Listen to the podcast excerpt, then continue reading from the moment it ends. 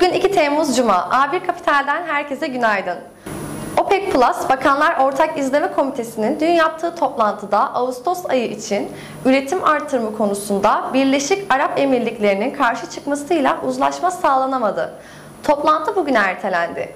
OECD çok uluslu şirketlerin sınır ötesi vergilendirmesine yönelik global planları müzakere eden ülkelerin çok büyük bölümünün minimum %15 kurumlar vergisi oranına destek verdiklerini duyurdu.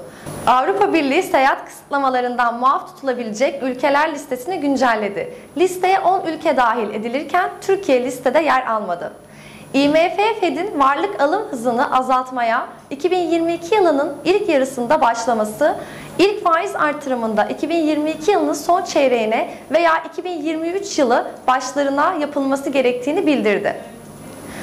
Veri gündemine baktığımızda yurt içinde otomotiv satışları verisi, yurt dışında ise üretici fiyat endeksi, ABD'de tarım dışı istihdam, işsizlik oranı ve saatlik kazanç verileri en önemli gündem maddeleri. Dün gelen alımlar ile 200 günlük üstel ortalamanın geçtiği 1373 seviyesinin hemen altında kapanış gerçekleşti. Bu seviye üzerinde oluşabilecek tepki hareketi 1385 ve 1400 dirençlerine doğru güçlenebilir. Satış baskısının ana destek seviyemiz 1350 altında devam etmesi halinde 1300 bölgesine doğru gerilemenin derinleşme riski bulunmaktadır.